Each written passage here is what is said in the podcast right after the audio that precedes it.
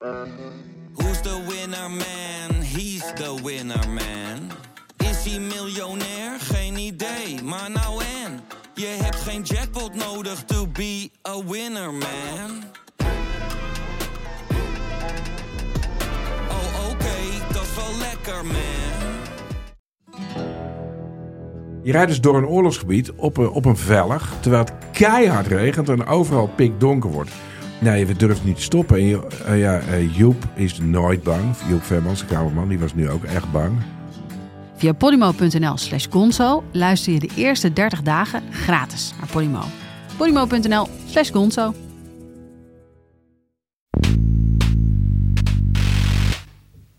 What was the lesson you learned from Václav Havel? sometimes politics can be the art of the impossible.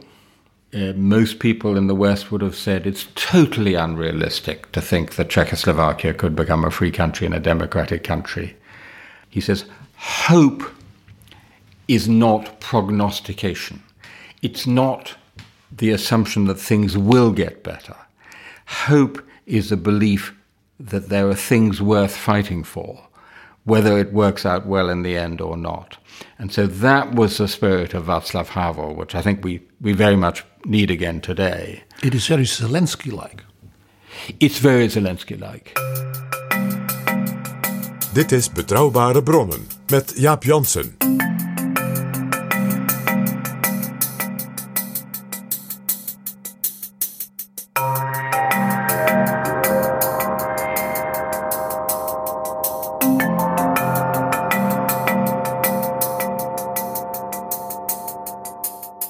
Welkom in Betrouwbare Bronnen, aflevering 336. En welkom ook PG. Dag Jaap. PG, we gaan praten met een van de meest vooraanstaande historici ter wereld, Timothy Garton Ash. Hij is hoogleraar Europese studies in Oxford en werkt ook aan Stanford University, Californië. Hij is geboren in 1955. Het is een Engelsman. En hij heeft ongelooflijk veel gepubliceerd.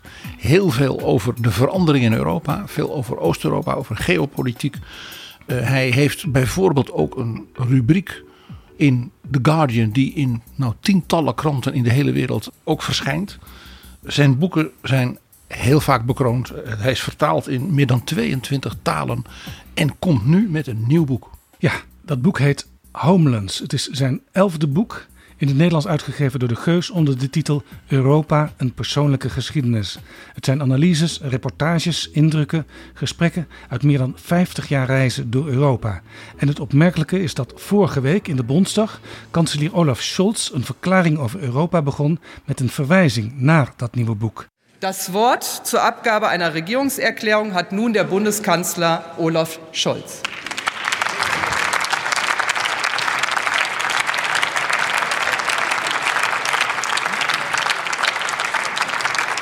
Frau Präsidentin, meine Damen und Herren! Soeben hat der britische Europäer Timothy Garton Ash seine persönliche Geschichte Europas vorgelegt. Homelands hat er sein Buch genannt, Heimatländer im Plural. Als Historiker der Gegenwart ist Garton Ash seit Jahrzehnten auf allen Schauplätzen der großen Ereignisse und Entwicklung unseres Kontinents dabei.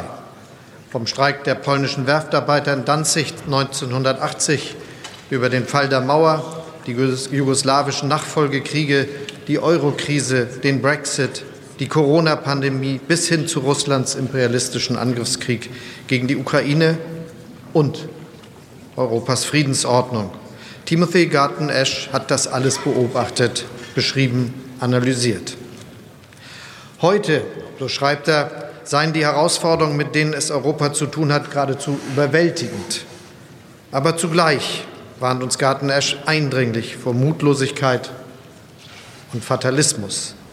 Denn eines steht für ihn außer Frage. Dieses Europa, unser demokratisches, freies Europa, ist und bleibt ein einzigartiges Projekt der Hoffnung in der Welt. Dieses Europa ist es wert, dass wir es verteidigen, dass wir es verbessern und weiter ausbauen. Gerade jetzt und jetzt erst recht.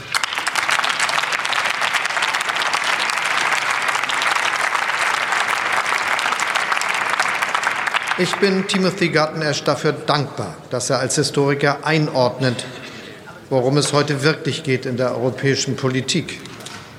Denn das übersieht man ja manchmal bei all der schwierigen Suche nach praktischen Kompromissen im europapolitischen Alltag. Dat is wel bijzonder, PG, dat de bondskanselier onze gast van vandaag citeert. En Jaap, het is nog, nog wel grappiger eigenlijk. De kanselier citeert dat boek, terwijl het een paar dagen daarna pas in Duitsland verscheen. Net overigens, zoals het nu ook in Nederland in het Nederlands is verschenen. En het is een klein stukje ondeugende humor van Olaf Scholz. Want Timothy Garton Ash ging een paar maanden geleden in Duitsland door alle media. Hij had namelijk in een tweet uitgelegd wat het werkwoord Scholzen betekende. In het Engels een Scholzing. Dat betekent prachtige woorden wijden aan een groot onderwerp. En er vervolgens zoveel ingewikkelde dingen omheen bedenken dat je eigenlijk niks hoeft te doen. Dus eigenlijk een belediging voor Scholz. Dat was dus een belediging voor Scholz. En hij werd dus door de Duitse media en masse gebeld daarover. En hij dacht, hoe komen ze daar nou bij? En toen ontdekte hij dat dat tweetje, wat hij als een vrolijk tweetje had rondgestuurd, al meer dan een miljoen keer was bekeken en geretweet. En nu komt de grap. Het was niet van hem. Het was van een vriend van hem uit Kiev. Die dit had verteld dat ze in Kiev zeggen Scholzen op zijn Oekraïense. Dat hij dus vertaald had in Scholzing in het Engels. ja. ja. Nou, dat is nog extra leuk, ja. Want in Duitsland is het in de politieke geschiedenis zo dat als van jouw naam een werkwoord wordt gemaakt, dat dat heel bijzonder is. Dat heeft te maken met de aartsbisschop van Keulen, meneer Frings. Die heeft namelijk in de naoorlogse jaren, toen het heel koud was en nog eigenlijk hongersnood min of meer in Duitsland. Toen werd hem dus gevraagd als mensen nou brood stelen of kolen stelen van een, van, van, ja dat is toch eigenlijk een ernstige zonde. Dat mag toch niet. En toen heeft hij gezegd, ja dat is een zonde, maar onze lieve Heer wil ook niet dat mensen kou lijden en honger lijden. Dus als ze dan, zeg maar, biechten dat ze dat hebben gedaan, dan is het dus een vergevelijke zonde. En sindsdien heet het stelen in Duitsland van dat soort dingen Fringsen. Dat is men dus toen gaan noemen naar die aartsbisschop. Dus een politicus of een bekende Duitser, wiens naam een werkwoord wordt, dat is, dat is iets heel bijzonders. Dus Scholzen was ook daarom dus in Duitsland zo'n dingetje. Terug naar het boek van Timothy Garton Ash. Dat boek begint met een foto waarop je zijn vader cricket ziet spelen in Duitsland, in het plaatsje Westen. Westen is in Niedersachsen, zeg maar in het noorden van Duitsland, zuid van Hamburg. Want zijn vader zat in het leger dat Europa bevrijdde na Wereldoorlog 2. En Timothy Garton Ash gaat in zijn boek ook terug naar de plek van die foto en spreekt daar mensen die daar destijds ook waren. Onder andere een oude bejaarde man die toen als jongen in de HJ zat, de Hitlerjugend. En ze vertellen dan over hun herinneringen weer aan die Britse soldaten. En wat dat dan weer betekende, ook ja, die ontmoeting met een bezetter, maar die ook een bevrijder was. En ja, dat dat ook hele gemengde gevoelens had. En heel leuk, Timothy Garton Ash is vervolgens gaan opzoeken als er dan een dorpje Westen is. Dan moet het toch ook een dorpje Osten zijn? Er waren er meerdere zelfs. En één daarvan was in West-Polen. Want dat was vroeger Duits. En hij is ook op dat, in dat dorpje op bezoek gegaan. En is ook daar met de mensen gaan praten. Om als het ware dus de, herinneringen en de lotgevallen van zowel Westen als Oosten bij elkaar te brengen in dit boek. Timothy Garton Ash is extra interessant omdat uh, zo'n beetje alle grote leiders die een hoofdrol hebben gespeeld in alle gebeurtenissen uh, rondom de val van de muur en het einde van uh, het Sovjet-imperium, die heeft hij gesproken. Sterker nog, zij vroegen hem soms om raad. En hij is op bezoek geweest bij ongeveer iedereen, tot de dag van vandaag overigens, die met hem de dialoog zoeken over ja, zowel de historie, de wortels als de toekomst van Europa. Hij had zelfs een hele bijzondere vriendschap, heel lang tot, tot de dood van Václav Havel. Maar hij had ook hele boeiende ontmoetingen met Lech Walesa. Heel bijzonder gesprek met Helmut Kohl, mevrouw Thatcher, president Bush. En hij heeft al lang geleden, in 1994, voor het eerst een ontmoeting gehad met Vladimir Poetin. En dat was een omineus moment. Daar gaan we het met hem over hebben. Maar eerst, PG, zijn er nog nieuwe vrienden van de show? Ja, Jaap, die zijn er. En dat is weer zeer opbeurend natuurlijk. Dus grote dank aan, aan jou, Henk-Jan, en aan jou, Tim. En aan Kees voor de losse donatie die ook nog binnenkwam. Allemaal zeer veel dank. En als je vriend van de show bent, dan kun je nu meedingen naar een van de vijf exemplaren van het boek van Timothy Garton Ash, die uitgeverij De Geus beschikbaar stelt. Daarover krijg je bericht in je mail en op de site. Maar je kunt het alleen lezen als je vriend van de show bent. Dus wat let je om dat nog snel even te worden? Ga daarvoor naar vriendvandeshow.nl/slash bb. Dit is uw kans. Dit is Betrouwbare Bronnen. Welcome to our podcast, Timothy Garton Ash. One week ago in the Bundestag, Chancellor Olaf Scholz quoted from your new book, while it wasn't translated in German already. Now it is, and also into Dutch, and you are here with us. It's lovely to be here again, um, particularly at the Hotel Ambassade, which I, I've known for 30 years. In English, your book is called Homelands. In Dutch, it's called Europa. Is that the same for you? Uh, I wish we could do homelands in Dutch because the plural is really important. For me, the defining feature of being a European is you can be at home abroad. So I'm here in Amsterdam, I'm clearly abroad, but I also feel very much at home.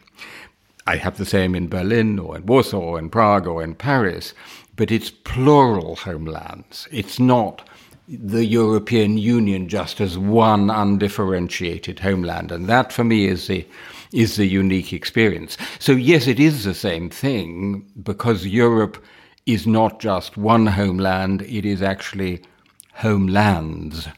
Yes. Uh, you write in your book that your father in 1944 landed in Normandy as a young soldier.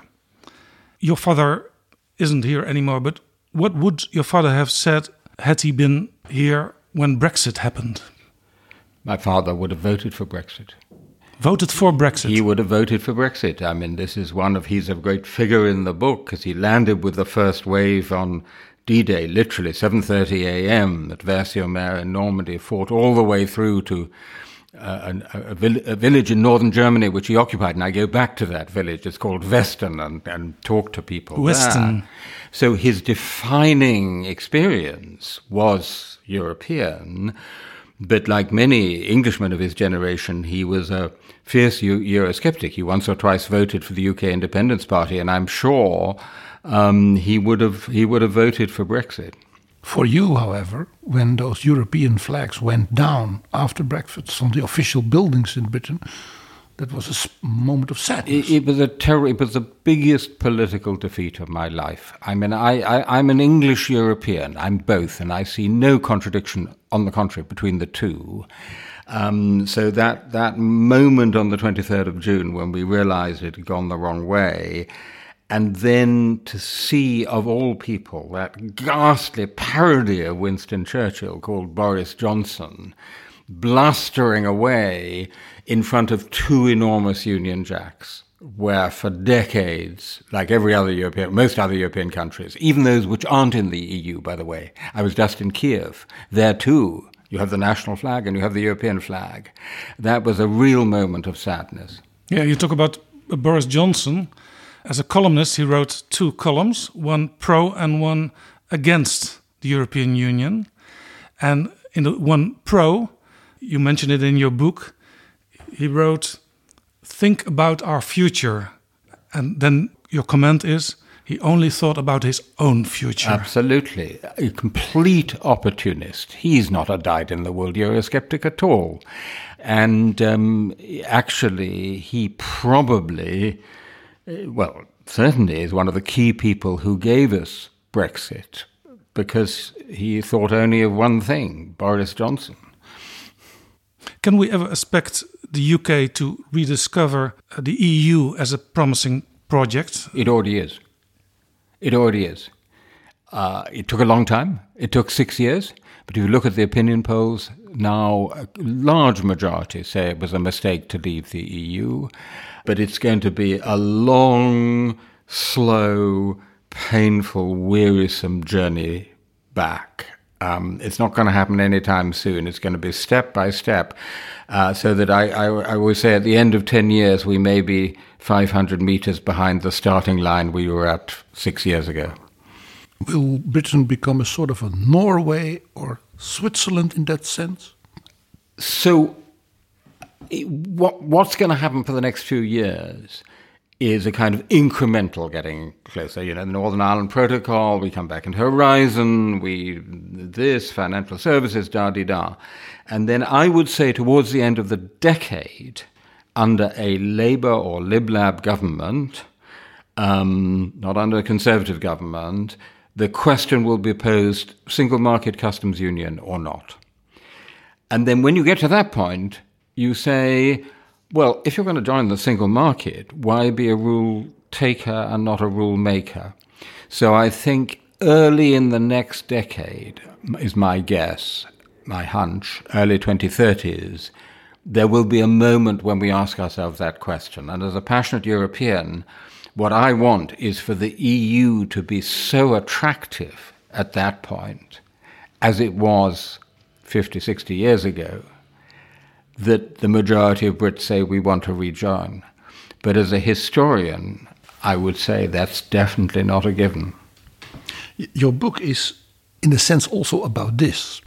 It is your own story as a Briton, eh, as you said, an English European, discovering and also rediscovering Europe. And it's the story of Europe constantly reinventing itself. And as we just discussed, uh, it always becomes by miraculously surviving crises. Now, you do quote Jean Monnet about this huh, in your book, about surviving crisis as this odd way of progress. What an amazing journey we have been on over the last 50 years. When I started traveling in Europe, there were only six members of the European community, only 15 members of NATO, and most Europeans lived under dictatorships. We did the numbers 389 million Europeans living under dictatorships, 289 million in democracies.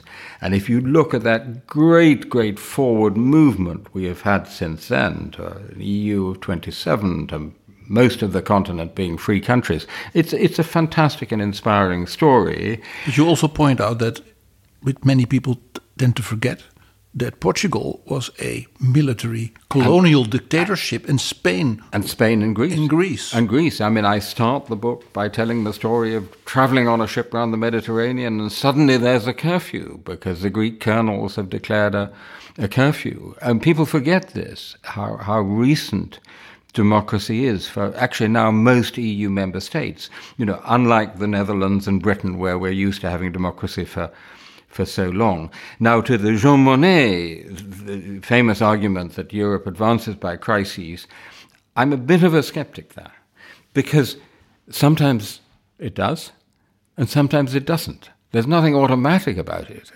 Did Europe advance greatly because of the refugee crisis? I don't think so. Did uh, Europe advance greatly because of 2014 in Ukraine? On the contrary, I think we slightly went backwards. So for me, the question is is the war in Ukraine that challenge, which, as the historian Arnold Toynbee argued, produces a response? And at the moment, I'm not often optimistic, but uh, in my analysis, but at the moment, I'm inclined to think yes.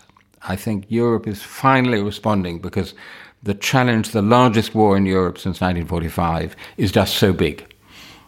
And in that sense, we're also a little bit back with the student, Timothy Garton Ash, who went to Berlin in the late 70s, early 80s, and discovered a, a, new, a new world, which was also a very old world, Mitteleuropa. Yes. What made you go to West Berlin? So it's a it's a really uh, interesting story. I went to Berlin to find out what happened under the Third Reich in Nazi Germany. And what interested me was what made one person a resistance fighter, a Stauffenberg, and the other a collaborator, a Nazi, an Albert Speer. And I discovered that just behind the Berlin Wall, the other side, the other end of the same street in Berlin, at that time, people were facing these dilemmas. What do I do about a dictatorship? How far do I resist? How far do I collaborate? And so I started writing about East Germany, went to live in East Berlin, then started traveling behind the Iron Curtain, and was just fell in love with this Central Europe.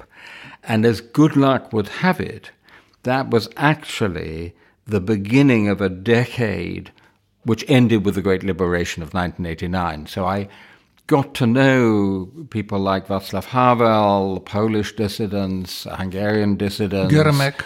Geremek, the great Bronisław Geremek, Polish historian, Solidarity advisor, um, at a time when actually very few people were interested in them. And it's funny, you know, now because I have students coming to me and saying, where should I go next?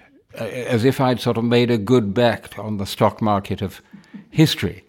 Not a bit of it. I say to them, follow your heart. I just followed my heart. And it just so happened that I blundered into one of the greatest stories in recent European history, that of the liberation of Central Europe and the unification of Germany and of much of the continent that followed. In your book, you say, I am essentially mid European.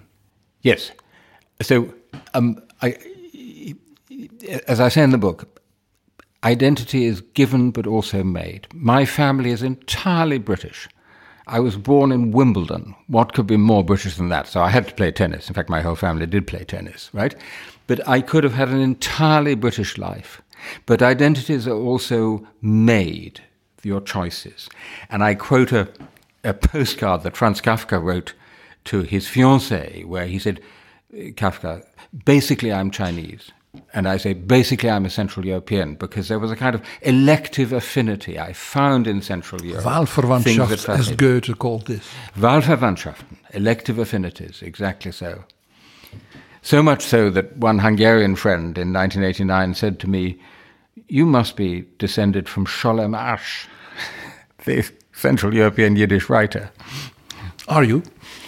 No, entirely English, Yorkshire through and through one of the things that struck me in what you write about in, in particular that part of Europe and I was thinking about because I, the first time I was in West Berlin visiting fans was in 1981 and was what was what struck me as a young history student just like you was that communism in East Berlin when you walked around there it had sort of how do you call it conserved so much. It was completely paralyzing.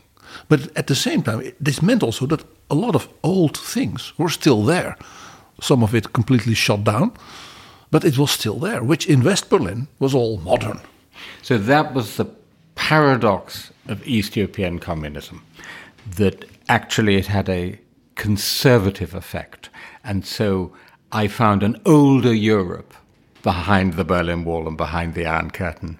One little illustration of this is that when I, I when I started traveling in, in Romania, there were still German communities in the German villages in Transylvania, and I met this lovely old vicar, Protestant vicar, speaking a very old-fashioned German, and we, we were speaking German, and he said, "Oh, you come from Oxford? Kennen Sie Newman?" Do you know Newman? Well, Cardinal Newman died in about 1889, so it was somewhat unlikely that I'd just met him on the high street, but it sort of captured for me this quality. And, you know, in a way, what we see in Ukraine also reminds us again of a world in, in which, for example, liberalism and patriotism or if you like, liberalism and national, nationalism go together as they did in 1848, something we'd kind of forgotten in the West. People forget that the liberals, the liberal intellectuals in Germany, were the nationalists who said in 1848, eh, we're going to make one Germany, which is a free and open Germany, and we'll have, we'll have a sort of a figurehead emperor. Yeah, no, that's exactly right. That's exactly right. But that's that's another nationalism than the nationalism in the way François Mitterrand defined it. Nationalism, c'est la guerre. Yes. Yes and no. I mean, it, I mean, it's it's almost a stipulative question, isn't it? Because I mean, you know, if one distinguishes between nationalism and patriotism, I think I quote in the book Charles de Gaulle says somewhere that uh, patriotism is the love of your own country, nationalism is a hatred of somebody else's. Um, I mean, to be honest, which makes Mitterrand a Gaullist. Which is an interesting well, observation. Which, of course, I mean, all French presidents are Gaullists in some way, all as French Emmanuel Macron, as Emmanuel Macron is again is again illustrating. But you know that that decade ends, of course, with the great victory of 1989, the unification of Germany. And one of the stories I tell in the book is of sitting opposite Helmut Kohl, who just united Germany. This mountainous man. I mean, I can't tell you how enormous Helmut Kohl was, both in height and girth, towering over me in 1991. And suddenly he says, By the way, do you realize you're sitting opposite the direct successor to Adolf Hitler?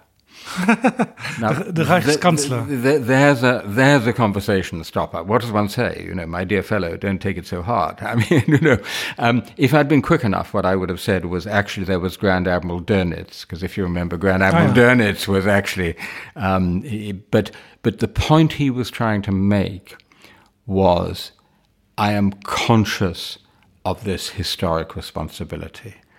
Um, he had to do it Adolf right now. Hitler put a German roof over Europe. I'm going to try and put a European roof over Germany. And so, you know, I think Kohl, who is really underestimated in the history books, had this sense of history, which in a way, in the post, what I call the post-wall era, the post-fall of the Berlin Wall decades, we sort of lost and maybe are recovering again. One of the striking things is that you quote Adam Michnik, one of those Polish intellectuals who supported Walesa and the Solidarność uh, movement. And he had his motto for their revolution Liberté, fraternité, normalité. They wanted to be normal. Can you explain what people like Michnik, what Geremek, what Havel meant with that? So, this is something so important for our own time. If you can define what other people think is normal, you've won. So, a Czech friend of mine in 1984 in Prague, which was still very grim, very repressive regime, said to me, you know, if someone stands up and says what they really think, we say he's not normal. So Brezhnev was still succeeding. The Soviet Union was defining what was normal. Five years later, in 1989, everyone was saying to me, we want to be a normal country. And what they meant was that, was something like West Germany, the Netherlands, France, Britain. And so we had won what I called in my notebook at the time the battle of norms. Um, this is what, what you want to be. This is the normal. And Europe um, became the definition. Yes, and, and, and uh, but specifically West European democratic capitalist normality, for want of a better word. And what I would say is that, you know, after that, we started to take it for granted that we were going to go on winning and the Chinese and Indians and Turks and others would want to be like us because we're the normal countries. And today we're in a very different world where other people are defining what's normal. In the Netherlands, uh, nobody is waving a European flag, but they did at the Maidan Square. They sometimes do in London. Exactly. So and, and last week they did in, in Georgia. It, it, it, indeed, indeed. In, in, with incredible vibrancy. Yeah, yeah. So George Orwell says somewhere, from inside, everything looks worse. I, don't know about you, but that seems to me a pretty universal rule with very few exceptions. But it's certainly true of the European Union that its most passionate adherents are, are generally just at the edge. And so I've never seen so many European flags waved as I did when witnessing the Orange Revolution on the Maidan in Kiev in uh, 2004, and again when participating in the massive demonstrations in London for a second referendum on Brexit. I mean, the Duke of Wellington's house was literally in, encircled with European flags. Think of that. So Europe still has, in spite of everything, um, this power to to attract the people the people next to it. And in Kiev last month, every second word was was European. I mean, I went to a bookshop where they were pulping Russian language books and giving the proceeds to the Ukrainian army. And one of the shop assistants said to me, "You know, when when the war is over, I want to make this bookshop more modern and European like. What was the lesson you learned from Václav Havel? Um, sometimes politics can be the art of the impossible. Uh, when I first met him, he'd just come out of prison, very tough, four years in prison, early 80s, 1983, 1984. Uh, most people in the West would have said it's totally unrealistic to think that Czechoslovakia could become a free country and a democratic country. He said no. And he has this wonderful thing, which I finished the book on. He says, Hope is not prognostication. It's not the assumption that things will get better. Hope is a belief that there are things worth fighting for, whether it works out well in the end or not. And so that was the spirit of Václav Havel, which I think we, we very much need again today. It is very Zelensky like. It's very Zelensky like. Uh, and indeed, the comparison has been made, although, of course, the thing about Havel he, he was such an exceptional figure because he was a playwright, he was a wonderful essayist. I mean, if he'd never succeeded in politics, we would still be reading The Power of the Powerless and other essays. And then he was this great European figure. So, as I, as I tell the story in the book, we were sitting around a table in Brussels. Someone said, Who's your European hero? And so we go around the table Felipe Gonzalez, one vote. Willy Brandt, one vote. Winston Churchill, a couple of votes. Um, Juan Carlos, one vote. Six votes for Václav Havel, the clear winner. And he had my vote too. So Havel was a, a multi talent, but in a way, Volodymyr Zelensky also is because he was a comedian first and now he's a leader. Although Havel probably wouldn't win Dancing with the Stars. yes, it was a slightly different kind of entertainment, perhaps, but um, but maybe it's fitting to the times. But I mean, Havel was a true. You know, I, I got to know him very well, and he was such a wonderful human being. Uh, many dissidents are, are impressive figures, but not lovable. But Havel was lovable. He was charming. He was courteous. He was, in many ways, humble. He had a wonderful sense of humor. And he didn't change in the end. Um, not as much as other people. I mean, I'm not going to lie to you and say he didn't change at all because he had to. Uh, well, he had to, but but you know, being in power for a long time does that to people. William Blake said the strongest poison ever known came from Caesar's laurel crown. And I look at Zelensky, I don't think any human being can withstand so much adulation, so one has to worry a bit. But absolutely, the role of the individual in history, one of the great themes of this book, don't tell me history is just made by structures and impersonal forces, and the fact that politics is also theatre because Zelensky's greatest weapon, not uh, Kalashnikovs or tanks, it's words. Talking about the role of individuals, you met Margaret Thatcher. You had a um, a day with her, about five hours, talking about Europe, and mostly about Germany. I was summoned you summoned, were summoned. Summoned is the word. To in Chequers. March 1990 to Chequers, the country house of, of, of, country residence of British prime ministers, lovely country house, uh, along with other historians of Germany, Hugh Trevor Roper, Gordon Craig, Fritz Stern, because she, like Mitterrand, was very unhappy about German unification, but unlike Mitterrand, who was exacting his price for it, namely sign up to the euro, Germany, she was still resisting it. And her officials and advisors were basically wanting to say to her, look, it's going to happen anyway, so you better get used to it and start being positive about it. And it was one of the most unforgettable conversations of my life. Six hours round a table, arguing with Margaret Thatcher, because she loved arguing. She kept pushing back. Um, Were you handbagged? No, I wasn't handbagged, actually. Um, in fact, I'm almost tempted to say she was handbagged because, you know, Norman Stone, who was definitely on the right, Fritz Stern definitely on the left liberal side. I mean, we were a whole spectrum of people, but all of us had the same message, which was memorably summarized by Hugh Trevor Roper, who had been, some of you may have read The Last Days of Hitler, and he said, Prime Minister, I was in Germany in 1945 interviewing Nazi leaders in prison. And if you had told us then that we could have a united Germany that would be a democracy and part of the West, we wouldn't have believed our luck. So seize that chance. And this really made an impact on her. And at the end of these six hours, I've never forgotten, she sat up at the table like a schoolgirl and she said, All right, I've got the message. I'll be very nice to the Germans. she never was very nice to Helmut I, Kohl. I don't think she was. But that was the other interesting thing how dangerous it is for our leaders to meet all the time, which is, of course, what happens in the EU, where as we speak, there's a European Council.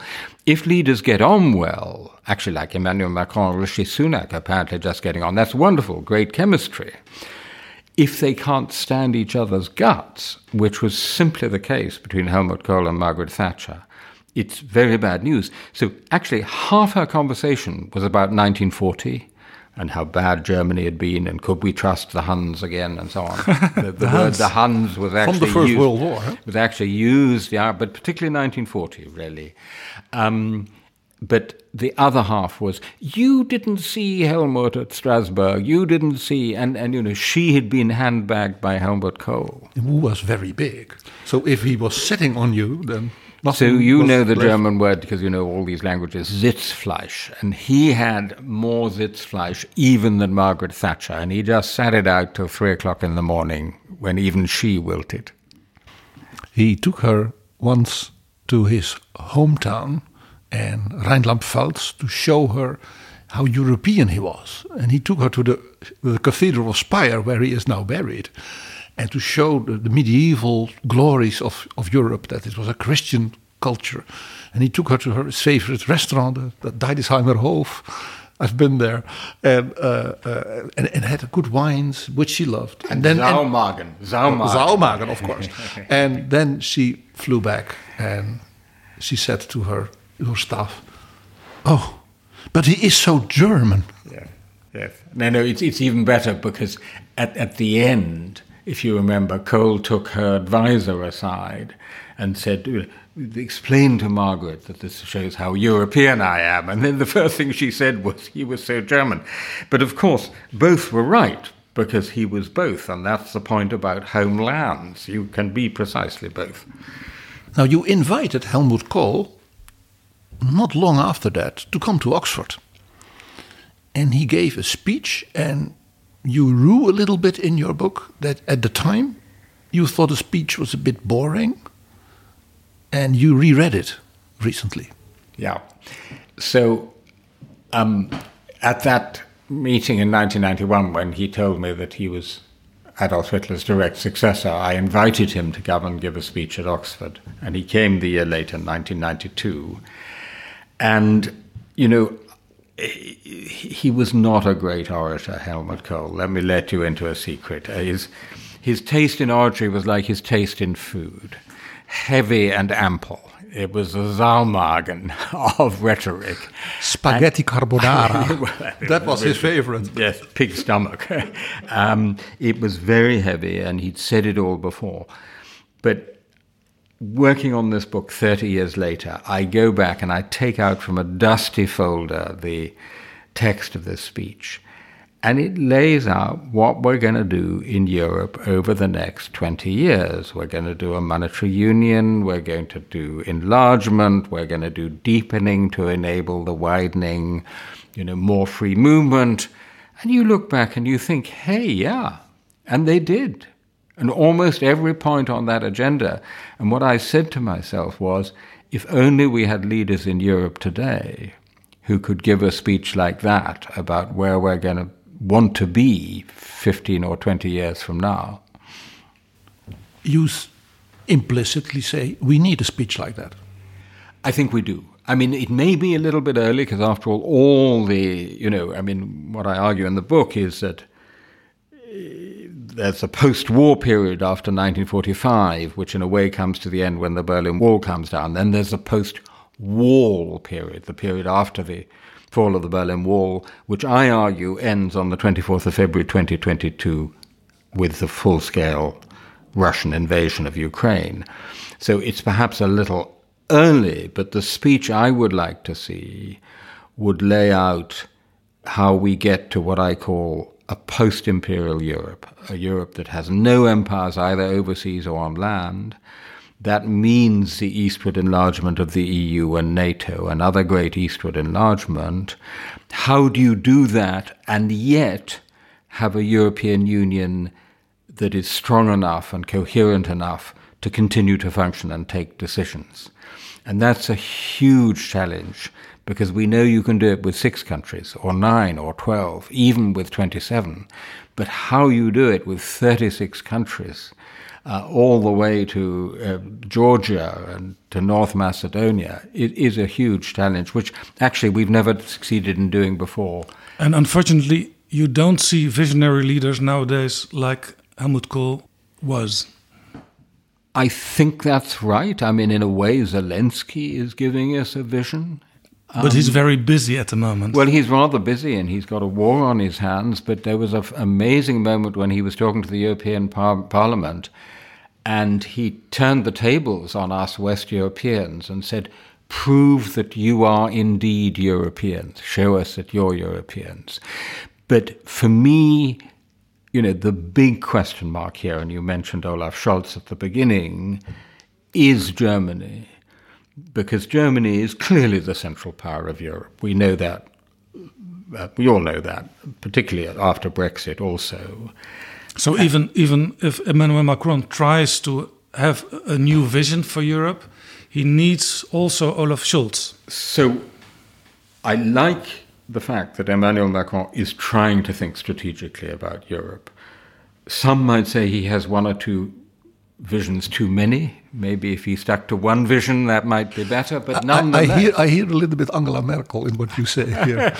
well, I, I've never forgotten the Charlemagne Prize ceremony because um, Macron got the Charlemagne Prize a year after me, and I know that they set it up so that Merkel could give the German response to Macron. And her speech was so disappointing there was absolutely no strategic, and it was written on Macron's face too. He saw that. But honestly, if someone is going to put together helping Ukraine to win the war, uh, an east, big eastward enlargement to countries like Ukraine, and deepening the European Union, Germany has to be part of that. Germany can't do it on its own. France is never going to sign up to that agenda because that agenda means the center of Europe is moving even further eastward. And by the way, from what I gather, I gather the Netherlands isn't all that enthusiastic about it either. I always say when the Dutch can earn money, they probably will be convinced. well, actually, you've got a very good point there. I mean, this is getting slightly off piste, maybe, but you know, if the alternative is earning money by exporting to China or making decent money by long term investments in Ukraine, I'd go for Ukraine.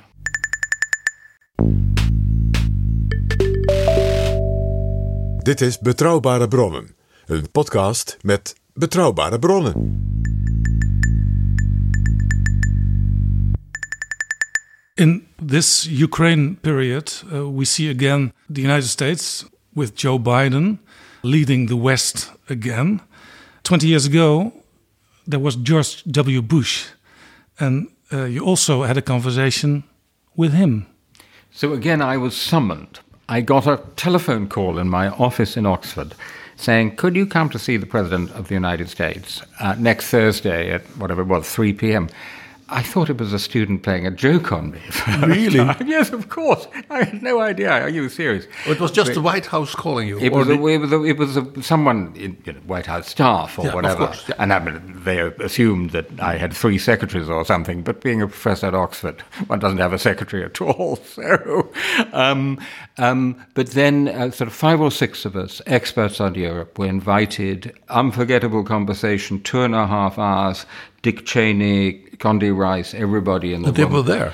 All in the room. And it was the big brainstorming before his first official visit to Europe and his first meeting with Putin. And it was half a year or so before 9 11. And before 9 11. So it was in America in its most optimistic forward looking. Exactly. Uh, early, early summer 2001, unipolar world, the hyperpower, the new Rome, the plenitude of our power, we can do anything.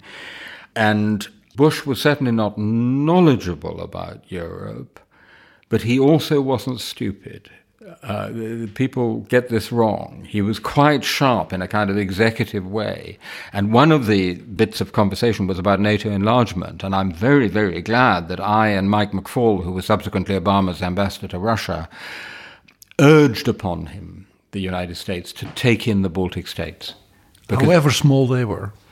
And the fact that they were part of the former Soviet Union. But, but, but, but imagine if Estonia and Latvia and Lithuania had not been in NATO today, how insecure they would be. There was also one story which I don't tell in the book where um, um, Bush started going on about how the United States had made these completely futile interventions all over the world. And he mentioned Somalia, which, is, of course, his dad did. And so when I had a chance to respond, I said, Mr. President, with great respect, Macedonia is not Somalia.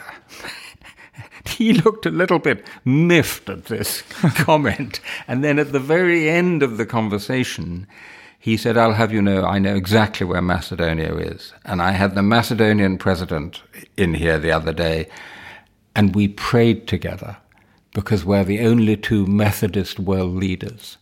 So there you are, slightly surreal moment, but also, but also for him, of course, is a moment in which he discovered a strong, you could say, even cultural connection to that Europe, that old Europe. Yeah, I mean, I think he sort of he hadn't been spent much time in Europe, only a few days, but I think that he had it from his dad, it sort of, uh, and, and, so on. But but he did. There was the, another memorable moment was when he said suddenly, in this kind of slightly clipped style, he had. Do we want the European Union to succeed? And Lionel Barber, who's the editor of the Financial Times, and I immediately said, yes, absolutely, and you bloody well should. But it's very significant. Was it a provocative asked, question? So he then rode back and said, oh, that was a provocation. But it wasn't just. People on the American right were already getting very skeptical about this project. Um, it's rather a socialist project. It's becoming an alternative pole of power. So, exactly what made the EU attractive to China at that time, right? Made it suspect. But no American president in the Cold War, and certainly not Bill Clinton, would have asked that question. So, when I also saw the beginning of a transatlantic divergence at that point. By the way, the Islamic threat was hardly mentioned. The president also asked uh, how far NATO expansion should go on. Yes, exactly. And so, so, so, so, so this is the context in which we talked about the Baltic states, and then we actually started talking about a possible NATO membership for Russia. And I'm now going to shock you, but I think, in principle, NATO should be open to a democratic Russia. Um, because that is, in the end, the pan European security architecture. Of course, that's way, way off the agenda now. But remember that Putin did initially accept eastward NATO enlargement. There was one thing that struck me uh, from that conversation with Bush. He said, One day we will all fight those cursed Chinese. Yes. We'll all be fighting the damn Chinese. Yes. So this is so fascinating. Remember, this is before 9 11, and his worldview was we won one great geopolitical competition with the Soviet Union. Now we're facing a new one with China. Arguably, seen from 2023, he was not wrong. And then 9 11 happens. The whole agenda of American politics is changed and he sees China and indeed Russia as allies in the quote unquote war against terror. And you have what Richard Haass of the Council on Foreign Relations calls a decade of strategic distraction of the United States. So, as I, as I joke in the book, really the Chinese Communist Party should give Osama bin Laden their highest medal posthumously because he succeeded in distracting the United States while China was quietly going on rising. And the United States, of course, was interested in both Russia and China uh, being close to Afghanistan and keep them sort of uh, on their side in Afghanistan. Absolutely. And Russia, Putin in particular, said, I'm with you all the way when it comes to fighting Islamic terrorists. Uh, that's what I started in Chechnya. So he was the first on that. Now, you met Putin So- when nobody knew him. I met Putin where nobody had any idea who Putin was. In what situation did, did you first was a meet him? Conference, a Western Russian conference in St. Petersburg in 1994. Our host was the mayor of St. Petersburg, and there was this rather unpleasant looking little man who nobody took any notice of, who seemed to be some kind of a sidekick of the mayor. Yeah, you, you write a short, thick-set man with an unpleasant, vaguely rat-like face. A vaguely rat like face. I, I think a fairly accurate description to this day.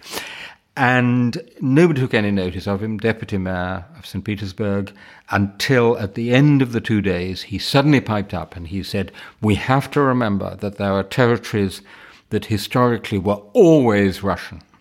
And he specifically mentioned Crimea, which are outside the territory of the Russian Federation, and we have a duty towards them. And there are 25 million Russians outside the Russian Federation, and we have a duty to protect them.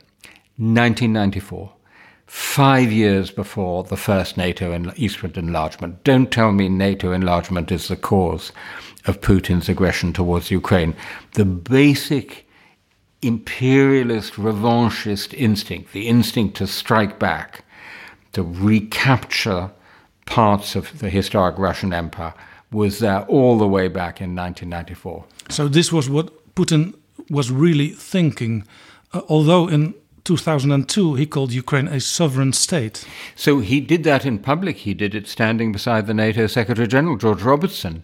But remember that, you know, he'd had this absolutely extraordinary ascent from totally unknown Deputy Mayor of St. Petersburg, occasionally driving a taxi in St. Petersburg, to Prime Minister and then President in 2000. If you talk to people, as I have, who dealt with him at the time, he was still quite unsure of himself in the early 2000s. Um, his country was in hock to the west, so he had to get it out of uh, debt to the wet. It had to sort of secure his own position in power. And when you look at it, it's really 2007 with his speech to the Munich Security Conference, when he basically declares war on the West. And then 2008 when he starts acting on it and seizes two chunks of Georgia. That's the moment in which it should have become clear to us this is an empire striking back. We know what that looks like from history. We have to do something about it. The interesting thing is that he, on the one hand, says the collapse of the Soviet Union is the greatest geopolitical disaster. And at the same time, what you say already in 1994, it is a Russian and not a Soviet empire sort of rebuilding that he strives for. For him, Russia and the Soviet Union are not the same. It's even clearer than that. People often cite that remark he made about the Soviet Union. For him, it's all about the historic Russian Empire. And by the way, that actually goes back to those days because uh, Mr. Sobchak, the mayor of St. Petersburg, had an office full of imperial Russian regalia and memorabilia. And if you look at Putin's speeches, they're all referenced. And someone actually, I think, I think this was attributed uh, even possibly to the Russian foreign minister, who said um, that uh, Vladimir Putin actually has only three advisors Ivan the Terrible, uh, Peter the Great, and Catherine the Great. And there's a real truth in that. And that's why he stole Potemkin's coffin. Absolutely. It's all about, and he talks about Novorossiya, New Russia. He is thinking about this in terms of the restoration of as much as possible of the Russian Empire. And by the way, the people who understand this much better than us are the Ukrainians. That's why they're pulping Russian language books. That's why they've renamed Pushkin Street. I said to a Ukrainian friend, Isn't that a bit over the top to rename Pushkin Street? And he said, You don't understand. There isn't a Moliere Street. There isn't a Shakespeare Street. There isn't a Goethe Street. But there is a Pushkin Street. This was an imperial statement. And we're now about decolonization. Is the way Russia goes nowadays also the work of one individual? Oh, clearly not. clearly, as always in history, it's a combination of structure, of deeper forces, and of contingency, and of individuals, and, and that individual is very important. Colonial powers don't like losing their empires. Ask us about the British. Ask the French. Dare Ask I say, the Dutch. even ask the Dutch. You know, one of the points I make in the book is that while we think about Europe, this wonderfully post colonial liberal project, major West European powers spent 30 years after 1945 trying to defend their colonies in often brutal wars. So we- Algeria, Ah. Algeria, Algeria, Mozambique. absolutely. Kenya, Malaysia, you name it. So we should have expected one of the, the, the largest and one of the oldest land empires in European history, which softly and suddenly vanishes away in three years between 1989 and 1991. That's not the end of the story. They're going to try and push back. So we shouldn't be surprised by that. We already talked about the successor of Adolf Hitler, but is Vladimir Putin the real new Hitler? You know, I would say that for nearly 80 years, people have been comparing this or that bad actor to Adolf Hitler, and it's always been hyperbole. Even Milosevic, who was clearly a very bad actor, but it wasn't on the scale of, of, of, of, of, what Hitler did. For the first time, in the case of Vladimir Putin, the scale, the brutality, the terror, the danger of what he's doing is, I think, comparable with Hitler. And I, I, I actually think that's a, a useful comparison to make. Also, by the way, in looking back on what we did after 2014, because I'm afraid the comparison with the appeasement policies of Britain and France in the 1930s has a lot of truth in it. When Volodymyr Zelensky will invite you to advise him, what will your advice be to end this war? win it. I think he's doing the only way to end this war is to have a clear Ukrainian victory. And you mean a military, logistical, physical I do. I- victory? I, I, well, yes, i i i where, where where it becomes so clear that Russia is losing, that maybe Russia is forced to the negotiating table. My views on this have actually strengthened through conversations with Ukrainians and being in Ukraine, because I actually now, many people in the West think there should be a territorial compromise, right? You're never going to be safe if Crimea is a Russian launch pad dominating the Black Sea. I actually think the only road to a durable peace is what our proclaimed public position is for Ukraine to reconquer, reconquer its whole sovereign territory. Now, that's a big ask, and whether Ukraine actually is going to get enough support from the West, I doubt. So I'm not saying that's how it, how it will, will end, but your question was what would I advise him to go for? And that's what I would advise him to go for. Dit is Betrouwbare Bronnen. One person you also met in your own history was a young liberal guy in communist Hungary named Viktor Orban.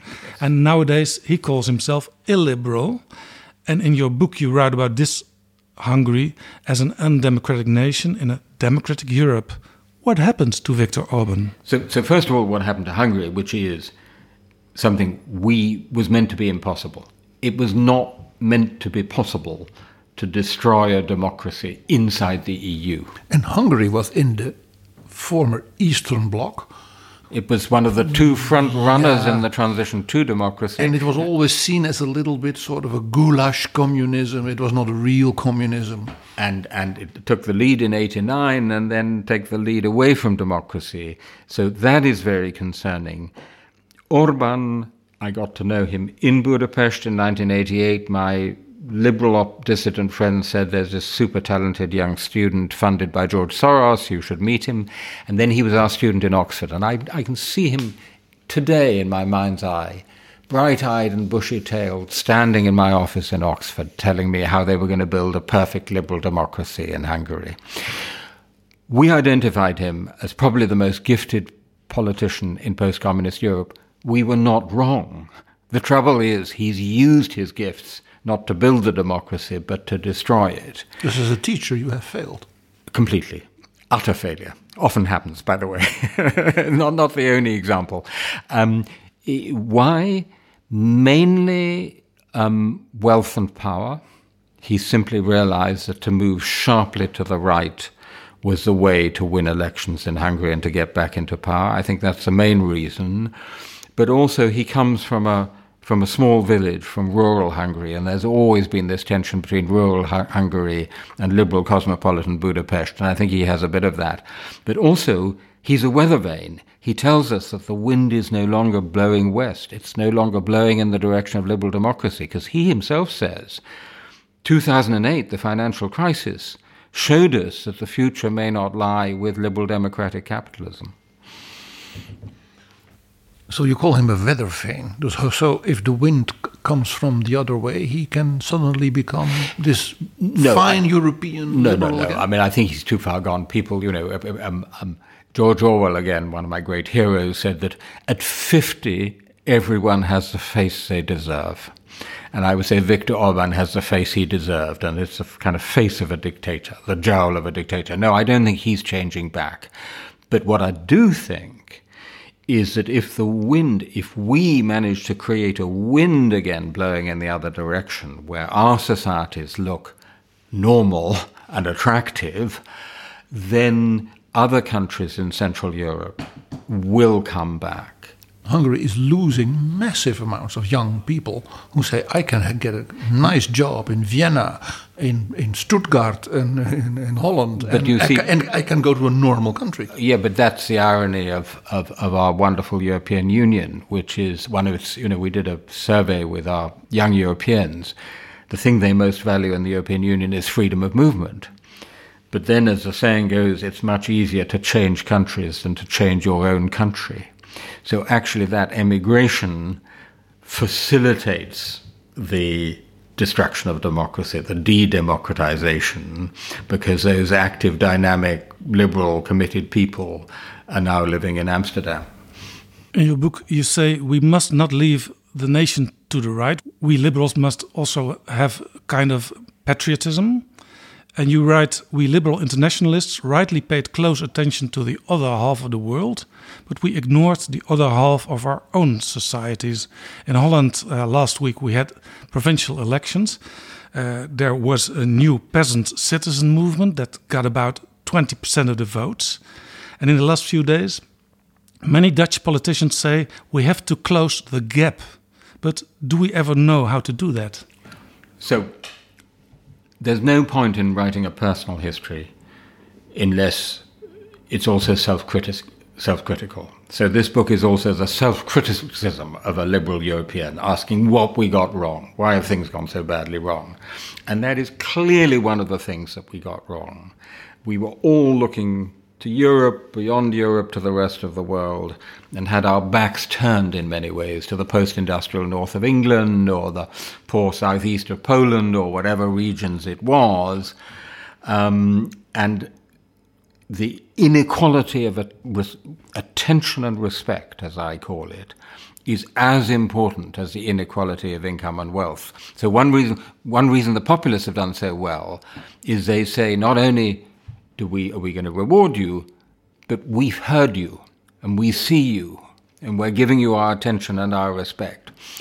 I believe the one good thing to come out of the Brexit debate was the notion of levelling up. Right, the only good thing.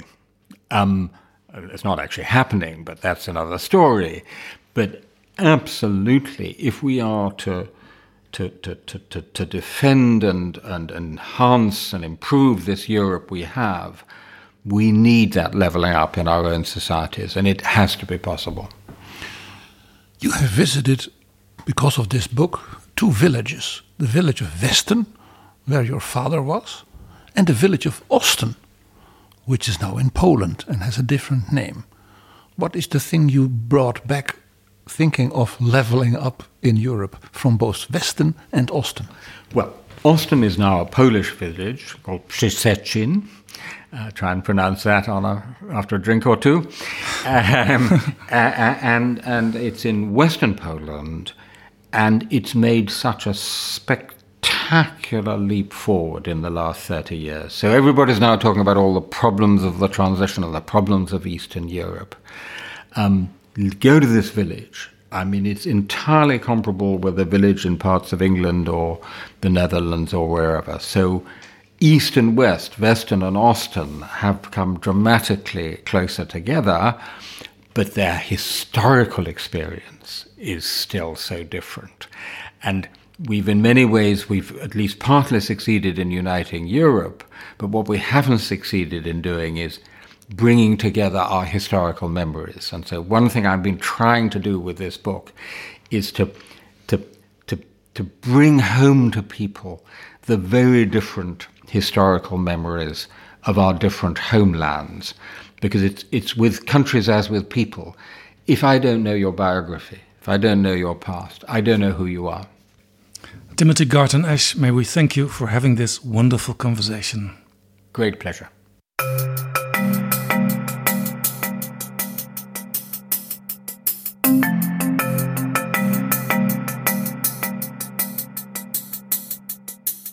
Zo, dit was Betrouwbare Bronnen aflevering 336.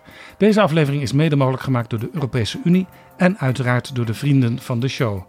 Ben jij vriend van de show, dan kun je meedingen naar een van de vijf exemplaren die uitgeverij De Geus beschikbaar stelt van het boek van Timothy Garton Ash. En daarover krijg je bericht in je mail en op de site als je vriend van de show bent. Ga daarvoor naar vriendvandeshow.nl slash bb. En ben je nog geen vriend, word het dan snel. Want dan kunt u dat boek krijgen en het is verrukkelijk om te lezen. Tot volgende keer. Betrouwbare bronnen wordt gemaakt door Jaap Jansen in samenwerking met dag en nacht.nl.